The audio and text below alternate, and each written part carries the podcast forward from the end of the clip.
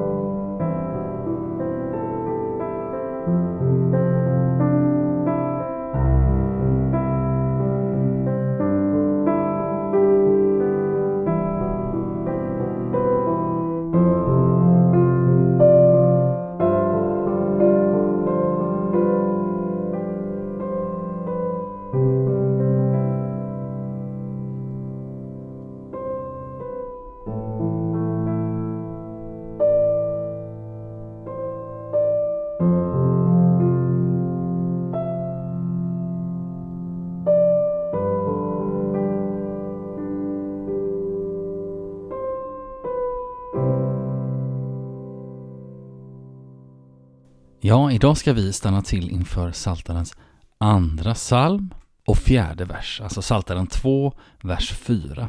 Så jag vill börja med att läsa Saltarens andra psalm i sin helhet. Varför är folken i uppror? Varför detta gagnlösa mummel? Jordens kungar reser sig och furstarna gaddar sig samman mot Herren och hans smorde. Vi sliter sönder deras band och kastar av oss deras bojor. Han som tronar i himlen ler. Herren ser på dem med löje. Nu talar han till dem i vrede. Han skrämmer dem i sin harm. Jag har invigt min konung på Sion, mitt heliga berg. Jag vill berätta vad Herren bestämt. Han sade till mig, du är min son, jag har fött dig idag. Be mig så ger jag dig folken som arv och hela jorden som egendom. Du ska krossa dem med en spira av järn slå sönder dem som lerkärl. Konungar, besinna er, ta varning, ni jordens härskare. Tjäna Herren i fruktan, hylla honom i bävan. Annars vredgas han och ni går under. Ty hans vrede kan lätt blossa upp. Lyckliga de som flyr till honom. Och den vers som vi stannar till inför idag, den fjärde, den lyder så här. Han som tronar i himlen ler. Herren ser på dem med löje. Ja, vi har nu i några verser här i Saltarens andra psalm fått en beskrivning av vår värld som en plats fylld av uppror, upproriskhet och tomhet. Människor och makthavare gör uppror mot Gud och hans ordningar och i alla tider, och inte minst i vår tid, uppfattas den kristna tron som något som stänger in och håller tillbaka, som bojor och band som man vill kasta av sig och slita sig lös ifrån. Med andra ord, världen vill inte veta av de ordningar som Gud har satt upp för den värld som han skapat, regerar och älskar. I dagens vers så vänder perspektivet. Nu får vi istället till oss något av vem Gud är och hur Gud ser på människans uppror. Och det börjar med en beskrivning. Vi får veta om Gud att han är den som tronar i himlen. Det är viktigt att vi har med oss detta att Gud inte behöver strida för makten över vår värld och tillvaro. Han är alltings skapare och herre. Han sitter redan på tronen och har all makt i himmel och på jord. Jesus säger i missionsbefallningen att han har blivit given all makt i himlen och på jorden. Se Matteus 28, vers 18. I kraft av det befaller sedan Jesus sina lärjungar och därmed också dig och mig idag. Gå därför ut och gör alla folk till lärjungar. Matteus 28, vers 19. Det ska vi göra, inte för att Jesus ska få all makt, utan för att Jesus redan har all makt och vill att varje människa ska komma till insikt om vem han är och vad han har gjort. Men makten har Jesus redan. Den har han blivit given av Fadern. Det visar Jesus när han säger att allt har min fader anförtrott åt mig. Matteus 11, vers 27. Och när han säger att Fadern älskar Sonen och har lagt allt i hans hand. Johannes 3, vers 35. Basen för Guds rike och vår del och vårt uppdrag i det riket är att Gud redan har all makt. Sen får vi veta om Gud, Herren, att han ler och att han ser på dem med löje. Sådan är alltså Guds reaktion på människans upproriskhet. Han oroar sig inte över sådant eftersom han är den som tronar i himlen. Guds makt kan inte rubbas. Också på andra håll i Saltaren beskrivs hur Gud reagerar på liknande sätt i sådana sammanhang. Se till exempel Saltaren 37, vers 13 och Saltaren 59, vers 9. Guds reaktion här visar på det absurda i att en människa tror sig kunna sätta sig över eller sätta ur spel det som Gud har beslutat och fastställt. Men Gud reagerar på fler sätt inför människans uppror. Jesus berättar till exempel en liknelse om en son som överger sin far, vandrar bort ifrån honom och slösar bort allt han fått av sin far på ett destruktivt liv. När sonen till sist kommer tillbaka hem berättar Jesus om hur fadern på långt håll får syn på sonen, fylls av medlidande med honom, springer honom till mötes, omfamnar och kysser honom. Hela liknelsen hittar du i Lukas 15, verserna 11 32. Det är också Guds reaktion på människans vandrande bort ifrån honom. En intensiv längtan efter att vi ska komma tillbaka.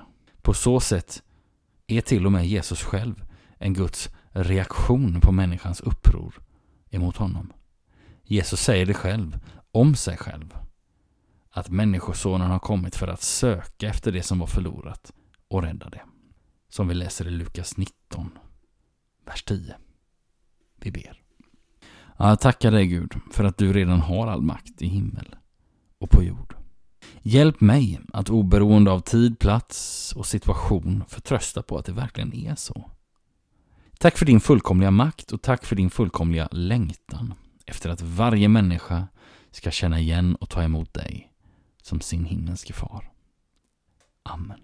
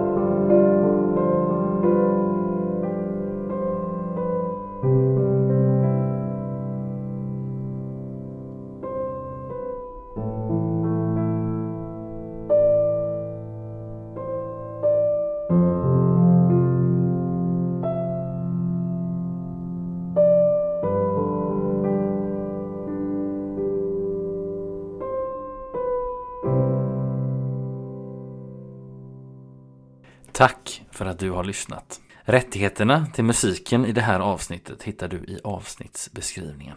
Tills vi hörs igen önskar jag dig allt gott och Guds rika välsignelse. Hej då!